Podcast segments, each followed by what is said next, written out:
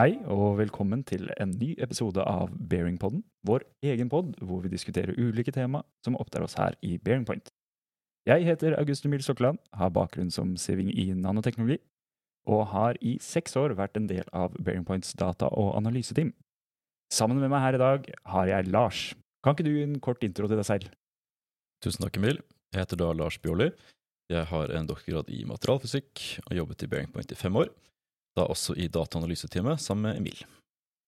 Ja, og den oppmerksomme lytter har vel kanskje skjønt at vi i dag er ganske teknologitunge bak mikrofonene. Hva er det vi egentlig skal snakke om i dagens pod, Lars? Jo, i dag skal vi snakke om eh, datadrevet vedlikehold, som kan forkortes til tre bokstaver DDV. Vi er veldig glad i tre bokstavers eh, forkortelser her i Bearing Point. Og dette begrepet det bor under fellesbetegnelsen Industri 4.0, eller den fjerde industrielle revolusjonen. Og For å gi en litt større kontekst av det begrepet, så er den første industrielle revolusjonen det er da dampmaskinen som drev, den andre er det samlebåndet, og den tredje så er det elektronikk og digital kommunikasjon. Og den fjerde den bygger da altså videre på den tredje og tar det til neste nivå og integrerer det fysiske og digitale sammen. Og Her dukker begreper opp som IOT, altså Internet of Things, sensorer, stordata, maskinlæring og kunstig intelligens opp, opp, men det er jo egentlig ikke teknologien som er målet seg selv. Det er jo et, kun et virkemiddel for å oppnå forbedringen man er ute etter. Og vi har ofte opplevd å bli innleid som eksperter på da, maskinlæring, men oppdaget, har oppdaget at det er eh, nødvendig med endringer i et større nedslagsfelt for å oppnå de gevinstene man egentlig er ute etter, og for å få til det datadrevne vedlikeholdet i praksis. Og I denne episoden skal vi dele våre erfaringer rundt akkurat dette. Så, Emil, hva er det du ser som de største fordelene med å jobbe datadrevet innenfor vedlikehold? Når jeg tenker på, på datadrevet vedlikehold, eh, så tar jeg litt sånn utgangspunkt i, i hva, hva, hva, det er på en måte for meg da, og min erfaring. Og da er det uh, på en måte utgangspunkt at vi ønsker å samle inn data som er relevant for vedlikeholdet. Som det kan være alt av hvor mye noe er brukt, tilstanden, miljøet det står i, vedlikeholdshistorikk, komponentkostnader, kritikalitet, for å nevne noe. Uh, og for å kunne ta da en samlet informert beslutning om hva og når neste vedlikeholdstiltak bør gjøres eller gjennomføres. Uh, og det er jo sånn, Innenfor vedlikehold så er det uh, noen primære drivere uh, for utnyttelse av den teknologien da, som ligger til grunn for datadrevet vedlikehold. Og, og, det er at vi ønsker å vesentlig redusere vedlikeholdskostnader, og også redusere nedetid, både på ikke-planlagt og planlagt vedlikehold. Så Emil, hvordan er det dette sammenliggende med tradisjonelt vedlikeholdsarbeid? Godt spørsmål. Eh, slik jeg ser det, så er det datadrevet vedlikehold som en teknologi. Det muliggjør at man kan bevege seg fra den mer tradisjonelle vedlikeholdstankegangen om at utbedringer primært blir gjort når feil oppstår, altså en korrigerende tankegang. Eh, I tillegg så muliggjør det at man i stor grad kan frigjøre seg fra generiske vedlikeholdsrutiner og rutiner basert på forventet levealder på komponenter, f.eks. Altså mer sånn kalenderbasert. da. Uh, og så er det jo sånn at uh, kalenderbasert vedlikehold for eksempel, det gir jo en viss trygghet i at man alltid skal oppsøke og, og, og, se til komponentene man skal vedlikeholde. Men det viser seg også i flere tilfeller å være ganske lite målrettet, samtidig som det er også en svært omfattende måte å drive vedlikehold på, som også da fører til at det er kostbart. Det alternativet som datadrevet vedlikehold muliggjør, er at man gjennom oppdatert tilstandsinformasjon om objektene man skal overvåke eller vedlikeholde, eh, kan finne og rette feilen før den leder til stopp eller forsinkelser i driften. Eh, her må det også nevnes at datadrevet vedlikehold ikke kun er en teknologi, men også en ny måte å tenke for vedlikeholdsorganisasjonene på, både når det kommer til planlegging av vedlikehold og organisering av vedlikeholdsressursene. Og det du sier, da, det er at bedrifter har kanskje ikke Problemet er at de gjør for lite vedlikehold. Det er bare ikke målrettet nok. Det er helt riktig. Eh, og ved å bruke eh, data og informasjon kan man da eh, være mer presis og målrettet, som du sier.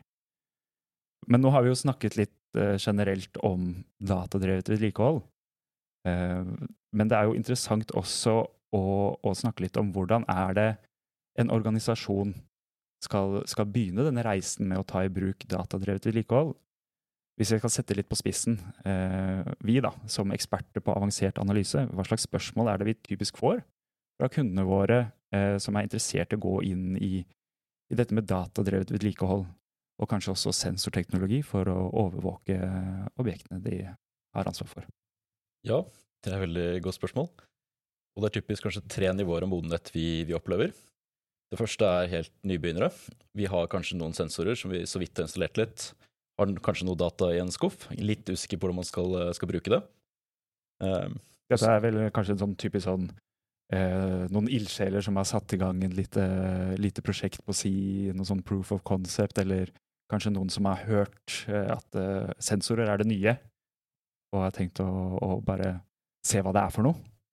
Se om man kan få til noe. Jeg har som sagt kanskje fått noen midler sånn i et hjørne og et budsjett. Ja, ikke sant. For å se om man uh, kan få til noe kult, da. Og så mm. er det nummer to, når den gjengen der rett og slett begynner å få til ting, og man begynner å se caser som kan, enten skaper de, eller virker veldig som de kan skape de. Da er typisk også så vidt begynt å skru det sammen med en business case og noen tanker rundt nye prosesser for operasjonalisering, altså nye mm. prosesser for å faktisk utføre vedlikeholdet. Det er som du snakket om, Emil, det er jo ikke bare teknologi det går på her, på datadrevet vedlikehold. Det er også typ endringsledelse, prosessendringer. Hvis man skal gå vekk fra å gjøre ting eh, korrektivt når ting feiler, eller kalenderbasert på jevne intervaller. Nå skal man isteden agere når man får informasjon. Så må man jo endre på hvordan man jobber også, i det daglige. Og så er det jo mm. eh, modenhetsnivå tre, når eh, sant, man har de første casene som er, eh, har levert verdi, og man ser at vi greier å endre prosessene våre. Og da er det snakk om en oppskalering, både da teknologimessig. Eh, greier vi å jobbe mer effektivt med sensordataene? Eh, greier vi å jobbe mer effektivt med algoritmene våre? Og ikke minst eh, masterdata. Det kommer vi kanskje litt tilbake til. Så mm. greier vi å ha kontroll da, på alle informasjonen om objektene våre, som er helt, veldig viktig for å få til ting i stor skala. Ja, og, og på dette nivået, når, når man kommer på det siste modenhetsnivået, så handler det jo også mye mer om å se på en måte hvordan er det dette passer inn i organisasjonen. Hvordan er det eh, på en måte man kan få dette til å gi suksess da, ut, eh, ut i vedlikeholdet. Klarer man å treffe de målene man har satt? Eh, er det også sånn at man har en god feedback loop her? Klarer man å, å etablere det at ok, man har gitt noen gode anbefalinger og tiltak til man kan gjøre, men klarer man å måle faktisk at det, at det gir verdi, da, eh, er jo også en sånn viktig del når man har kommet opp på det tredje nivået. Mm. Og utover det også så ser vi jo ofte at uh, de erfaringene fra vedlikeholdsarbeidet, de kan jo også spille inn andre ting. Typisk sånn, har man egentlig valgt riktig komponent for denne funksjonen? Har man prosjektert riktig? Mm. Um, som man egentlig ikke er så bevisst på når man hele tiden driver og brannslukker ting da, i en korrektiv modus. Men når man kaste litt dataanalyse på det og få litt historikk over type feil, og kanskje begynner å grave seg litt ned i rotårsaker og sånn, så ser man at å ja, her ser vi at vi har en gjenganger vi har hatt de siste to årene. Og det er en grunn til det, da. Og at kanskje, kanskje vi ikke skal trenge å gjøre dette vedlikeholdet i det hele tatt. Ja. Så det er jo virkelig å løfte, til, løfte datadrevet til neste nivå. Vi har jo tenkt å, eller vi har prøvd å snakke litt om det overordnede nivået i organisasjonen også. Eh, ikke sant? Klarer man å, ut fra den kunnskapen man opparbeider seg med å se på objektene man utfører vedlikehold på en, på en ny måte. Eh, klarer man da å forstå at man her må vi faktisk gjøre strukturelle endringer? Kanskje ikke bare på hvordan man utfører vedlikehold, men hvordan man bygger ting. Eller hvordan man har prosesser, eller hvordan prosessen er satt opp. da. Mm, og En veldig konkret ting da, så, som vi har erfaring med, er rett og slett oversikt over hvilke feilmoduser, eller feilmodige, da, mm. objektene. Det kan være man ikke har helt oversikt.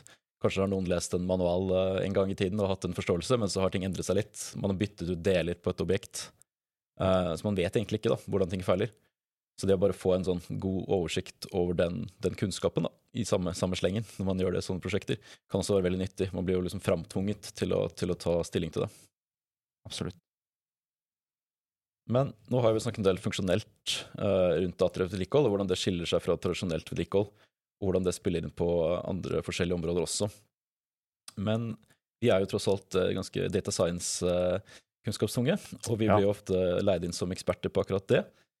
Og det er nok mange av våre lyttere også som lurer på hvordan det er å jobbe med vedlikeholdsdomenet, hands on som en data scientist. Så kanskje, Emil, om du har lyst til å dele litt av den metodikken? Ja um, Det er jo uh, vi, sånn, Det kommer jo litt an på modenheten også, som vi har snakket om, til kunden når vi kommer inn. Men det er jo, uh, kan vi si, kanskje sånn generelt, da, kan vi dele det inn i, i tre steg, eller tre faser, som vi som eh, data scientists går igjennom når vi er ute hos en eh, Eller når vi kommer ute hos en kunde.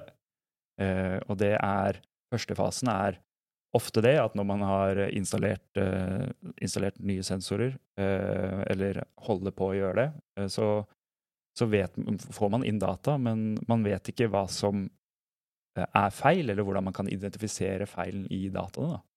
Så det er jo ofte første steg, er å finne ut av det. Og da kommer man jo over til neste steg, som er det å etablere slik ser de feilene vi er ute etter å finne ut. Uh, og så handler det om å opparbeide seg på en måte en forståelse av hvordan de feilene ser ut, og ta vare på dem og samle dem i en strukturert måte. Slik at når vi har masse feil som vi har identifisert hva er, så kan vi da uh, samordne eller sette den informasjonen sammen og få mer kunnskap da, ut av det. Det er da vi begynner å jobbe mer med de mer avanserte algoritmene, kanskje. Eh, og, og tenker mer mot prediksjon og lignende i, i vedlikeholdet. Mm, men det er jo litt som vi nevnte i sted også, det første steget er å få oversikt over hva det som egentlig kan feile, mm. og hvordan det feiler på det man ønsker å overvåke. Ja. Det er jo sant, det er noe fysikk eller mekanikk da, som ligger bak det man ser i sensordataen. Så oversikt sant, over ok, når denne, denne, delen gjør sånn og sånn, så slår det sånn og sånn ut i sensordata. Ja. Å få opp, oppbygd den forståelsen er en veldig viktig del av det å jobbe med, med disse dataene. Da. Ja, og vi har jo Der har vi en av de eh, liksom, tydelige erfaringene vi har der, er jo på en måte at uh, man som data scientist i disse settingene ikke kan leve i et vakuum. Da. Det er veldig viktig at man også jobber tett med de som kjenner til domenet du er innenfor, altså tekniske eksperter, fageksperter. Um, fordi de kjenner jo til hvordan dette fungerer. Um, og kan jo også helt sikkert si noe om hvordan ting ikke fungerer også. Uh, eller når det ikke fungerer, da. Um, men det de ofte ikke har så mye uh, kunnskap om, er jo på en måte den sensordataen som man begynner å få ut da, av, uh, av overvåkningen av disse objektene. Um, og der er det jo uh, utfordringer, da, hvis vi tenker iallfall dette steg én som jeg nevnte. Altså, du vet ikke hva som er feil, og hvordan feilene ser ut i dataen. Ofte så kan man jo vite hva som er feil, men å koble det til hvordan det ser ut i dataen, da, eh, kan være en utfordring. Kanskje spesielt hvis man har installert ganske mye sensorer, eller sensorer som gir mye data. Hvordan skal man klare å sortere ut de feilsituasjonene, da? for det er jo ikke sikkert at de oppstår så ofte. Eh, og der har jo vi eh, brukt en del eh, maskinlæring, faktisk, eller det som heter avviksdeteksjon, hvor man trener algoritmer med det formålet at man skal finne situasjoner som avviker fra det vanlige. Og dette har vi jo på en måte hatt en del suksess med, fordi det skaper en, si, en slags shortlist av, av, feil som man kan se nærmere på og diskutere eventuelt med domeneeksperter. Uh, og som, som, hjelper oss da med å komme videre til neste steg, altså hvordan ser feil ut. Uh, og så da kan man jo liksom, Når man først begynner å bygge opp et sånt bibliotek av feil, uh, så kan man jo ta det videre til liksom å bygge ut statistiske modeller basert på beskrivelser av disse feilene da, i dataene. For da tenker du på å bygge detektorer som, som altså Det kan være ganske enkle regler mm. på sensordataene, altså ikke noe maskinlæring nødvendigvis men som bare plukker ut sånn ser denne feilmodusen ut, nå ser jeg denne, mm. så kan jeg si at nå er det det som har skjedd på dette komponentet. Nå er den, den skruen her er løs, for eksempel. Ja. Kan være så, så rett fram som det. Men før du, før du vet da, hvordan det, hvordan det, ser ut i dataen, før skruen er løs, så må du gjøre de teknikkene som Emil nå snakket om, og da jobbe tett med domeneksperter for å kunne relatere det til, eh, til sensordata. Mm. Og da også ha gode historiske data på tidligere innmeldte feil da, og tidligere vedlikehold kan det også utnyttes i, i, det, i den jobben. Da. Men det er det ikke alltid man har heller. Nei, der kommer det litt an på, på en måte hvor mye man har av historiske data, eh, og om det er av en slik kvalitet at man kan f.eks. bruke de, de detektorene man har gjort, da, på å kjøre opp, eh, opp flere caser da, på, mm. på, feil og identifisere det. Vår erfaring er vel, hvis du skal bevege oss inn i å gjøre prediksjon, da, så snakk om å trene en algoritme som prøver å forutse når er disse feilsituasjonene oppstår, så har vi vel alltid måttet lage detektorer på, på historiske data selv, regelbaserte, da, for å markere alle disse feilsituasjonene, heller enn å belage oss på å utnytte tidligere eh, ja, manuelt loggede eh, feilhendelser. Da. Ja. Der, er ikke, der, er det ikke nok, høyst sannsynlig ikke nok, god nok datakvalitet, eh, eller nok feilmerker, da, for å kunne trene en modell. Ja, eh, det har vi Vi har virkelig sett verdien av å på en måte ha uh, matematisk definerte måter å, å merke feil på, uh, for å få god nok kvalitet da, uh, på de feilmerkene. Og også nok feilmerker, rett og slett. Ofte i sånn sensorteknologi så har man veldig mye data, og det å manuelt kunne søke gjennom det er ofte veldig tidkrevende, og resultatet er heller ikke alltid så bra. Man er jo også interessert i både positive og negative utfall. Ja. Sånn, tenk at man har ett års data man skal trene en modell på. Du må jo både markere alle de positive tilfellene, og du må jo også være sikker på at du ikke har noen negative da, som eh, du ikke har fått markert, for å ha god treffsikkerhet på den prediksjonen du ønsker å utvikle. Mm. Og da kommer nok eh, sånn eh, manuell med logget, eh, loggede feil til kort, da. For det er nok ikke alle som har blitt registrert. Og da vil det bli vanskelig for modellen å treffe riktig. Mm. Men en annen ting vi ofte også støtter på, er dette med er det ting som egentlig kan predikeres, predikeres når vi er inne på det temaet. For det er veldig mange av tingene vi ser da, som er eh, tenker jeg, løs skrue. da. Det har ikke noe bakenforliggende årsak, egentlig. Det er bare noe som har blitt eh, ja, oppstått av seg selv. da. Ja. Eller for eksempel en, en stein som havnet der den ikke skulle. Det er ikke ting som er mulig å predikere. Nei, og der er det jo Der må man jo på en måte tilpasse seg eh, til, til den feilmodien man skal eh, på en måte forutsi eller identifisere, da. Eh, det er noen Vi snakker jo her om, om på en måte hvor avansert man kan ta det når man har data, eh, og for å kunne si noe om, om vedlikehold eller feil som, som skjer ute i infrastrukturen. Men det er jo ikke alltid at det gir mening, som du sier, å, ta det ut til å lage en prediksjonsmodell, f.eks. Av og til så, så ønsker man bare å, å, når feilen inntreffer, å kjapt kunne si hva den feilen er, sånn at man effektivt kan, kan gå ut og fikse den med riktig personell og med riktig utstyr. Um, så så det er på en måte målet i seg selv er jo ikke å ha en kjempeavansert nødvendigvis prediksjonsalgoritme på alle feilene man, man skal identifisere, men mer at man tilpasser seg til både det som gir mening, og hva som også organisasjonen som skal utføre vedlikeholdet, da, kan faktisk eh, bruke det til. Og Her er det også en distriksjon mellom funksjonsfeil og ting som er, liksom, det er feil, men ting har ikke begynt å feile ennå. Og funksjonsfeil det vil jo andre også oppdage. Så du kan si overvåkingen gir kanskje ikke så veldig mye verdi. Ikke sant? Typ en operatør da, ser at denne maskinen nå ikke funker lenger. Du trenger ikke en sensor for å fortelle det. Men det kan være veldig mange små tegn i forkant som dukker opp i sensordataen, som man da kan lage ganske enkle regler på eh, og rapportere ut, da, som da blir en slags prediksjon på at her kommer det til å være en funksjonsfeil om ikke så lenge. Mm. Da kan vi jo analysere hva sannsynligheten for en funksjonsfeil når disse sant, mekaniske tegnene da, begynner å dukke opp i, i sensordataen. Det kan man jo gjøre ved å liksom, sammenligne eh, antall eh, funksjonsfeil versus antall sånne, ja, kan kalle det eh, indikasjoner på tidlig, tidlig feil, da. Og se rett og slett sannsynligheten over neste f.eks. 30 dager. Mm. Og vite om dette er noe vi skal, eh, skal rapportere ut, da. Og da kan være så sikre på at vi kan iverksette tiltak på grunn av det, eh, de avvikene vi ser, da. En ting vi ikke har snakket om uh, så mye her, er jo dette med at uh, vi jobber med sensorer, uh, og sensorer som da er installert i den fysiske verden og måler på fysiske objekter, og hvordan det er å samle inn data fra det, sett opp mot hvis man har et, et system eller en app eller noe lignende som han har satt opp til å, å fange data.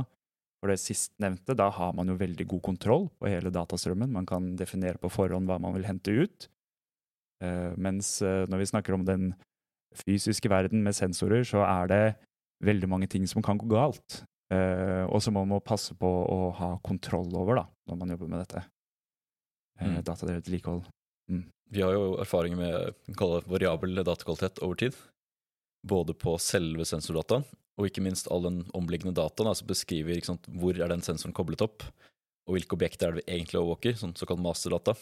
Begge de to domenene er veldig viktige for å faktisk greie å eh, kunne ta beslutninger, da, basert på den dataen vi henter inn. Ja, og det er også veldig viktig for å kunne eh, å ha god kontroll på det. er viktig for å kunne skalere også, eh, opp til eh, Altså hvis man går fra en proof of concept på en måte til å bygge det ut i hele infrastrukturen, f.eks. Eh, da, er det, da er det viktig at de tingene er på plass. Altså du nevnte masterdata, god kontroll på hvordan man kan knytte da innkomne sensordata til, til annen informasjon du trenger, da, eller beskrivelse av det sensoren faktisk eh, gir deg. Mm. Man ønsker å gå mot en automatisering når Mm. man skalerer fullt, fullt opp. uh, men i en proof of concept-fase så har man kanskje tiden da, til å sjekke disse små tingene som virker litt merkelig, og så er det en datakvalitetsårsak til at det var litt merkelig. Men det er ikke noe man måtte ønske å forholde seg til når man skal rulle dette ut til hele organisasjonen på flere, flere områder. Mm. Så blir det tung, ganske tungvint. Ja, så der er det vel eh, eh, viktig, tenker jeg, og at man fra, fra begynnelsen av, iallfall når man bestemmer seg for å skalere, at nå, nå må man ta en ny runde på dette her. eh, Hvordan er det eh, dataene og datakvaliteten på sensorene er? Hvordan spiller det ut med hvordan vi ønsker å hva kan man si, eh, utvide eller få knytte det opp mot masterdata, kanskje modeller du har, digital tvilling, lignende ting, da, eh, for å kunne skalere ut. Og for å gjøre det litt, litt mer konkret, så eksempler på ting vi opplever, da, det er jo folk som har flyttet på en sensor fra et, eh, et objekt til en annen uten å si ifra. Kan være man har byttet ut deler på et objekt, slik at de tidligere modellene man hadde på det objektet, slik ikke passer lenger. Mm. Fordi nå er det noe annet fysisk som man overvåker. Man har kanskje noen parametere man har regnet ut fra før av. Nei, de, de er ikke gyldige. Også, De må man risette. Ja, og så er det jo dette med eh, kommunikasjon, ikke sant. Sensorene må jo, kan jo Det kan gå feil på dem, de kan falle ut, og så kan man jo lure på er det, er det faktisk fordi at det den måler, har sluttet å fungere, eller er det sensoren det er noe galt med? Eh, Så det å ha på plass eh, måter å kunne identifisere om det er sensoren som har sluttet å funke, eller eh, om den måler faktisk noe alvorlig galt, det er jo også viktig da, å ha med seg Mm. når man tenker eh, sensor- og datakvalitet. Og det er jo sånne ting vi har nettopp jobbet med, med å sette opp sånne datakvalitetssjekker for å finne ut av hvor er det det er feil, og hvorfor er det, hvorfor er det feil på dataen i seg selv. Så det å etablere gode rutiner for, eh, for å opprettholde den datakvaliteten, da, det er også et veldig viktig steg å få til datadrevet vedlikehold i praksis, såkalt data governance. Og nå begynner vi vel nesten å nærme oss slutten på vår tilmålte tid her i dag. Eh, Så jeg tenkte vi kunne prøve å oppsummere litt eh, det viktigste vi har snakket om i dag. Ja, vi har egentlig vært innom tre forskjellige typer temaer. Det ene er litt sånn forretningsmessig, hva er datadrevet vedlikehold? Det at vi ønsker å bevege oss vekk fra korrektiv og generisk vedlikehold, altså kalenderbasert, til å kunne ta ting i forkjøpet, og i det minste, eller i det minste ta ting med en gang eh, det oppstår, før det skaper problemer da, i en, i en operasjonell situasjon. Ja. Og hvilke endringer som må til. at De er, de er ikke bare på datasiden, det er også eh, eh, endringer i organisasjonen, Mm. hvordan man agerer og jobber. Ja, og der er det jo også ikke sant, vurdering at man trenger ikke å hoppe mest rett på den smarteste løsningen. Her må man tenke både hva er det som er nyttig, eh, og, og også hva er det som kan forsvare sånn eh, kostnadsmessig, da. Eh, på en Mm. måte, man trenger ikke å ha en kjempeavansert algoritme for å identifisere en feil, hvis den også kan identifiseres med en enkel detektoralgoritme. Ja, det er jo helt klart forretningsverdi vi jobber mot her. Det er jo Mm. ikke, som vi sa innledningsvis, teknologien er jo ikke målet seg selv. Målet er å redusere nedetid og redusere vedlikeholdskostnadene, og jobbe seg baklengs derifra. Mm. Og så var vi innom et annet tema, som var hvordan man jobber som data scientist i praksis Um, innenfor datadrevet vedlikehold.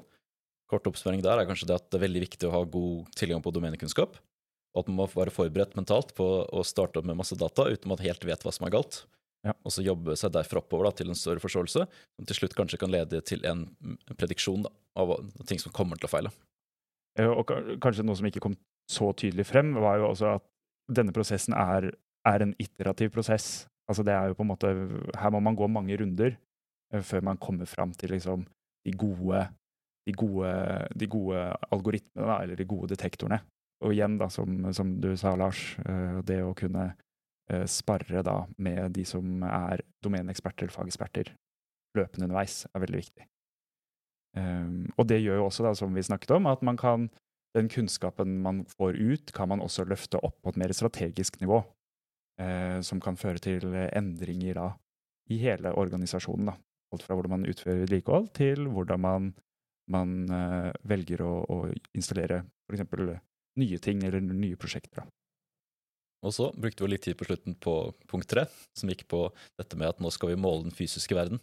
Og det har en egen rekke utfordringer som man som data scientist må være veldig bevisst på da, for å greie å skape løsninger som faktisk fungerer i praksis. Da tror jeg vi eh, takker for følget enn så lenge. Eh, og så håper jeg dere tar eh, kontakt med meg eller Lars hvis det er noe mer dere lurer på. Takk for meg. Ja, tusen takk for oss. Ha det bra. Ha det bra.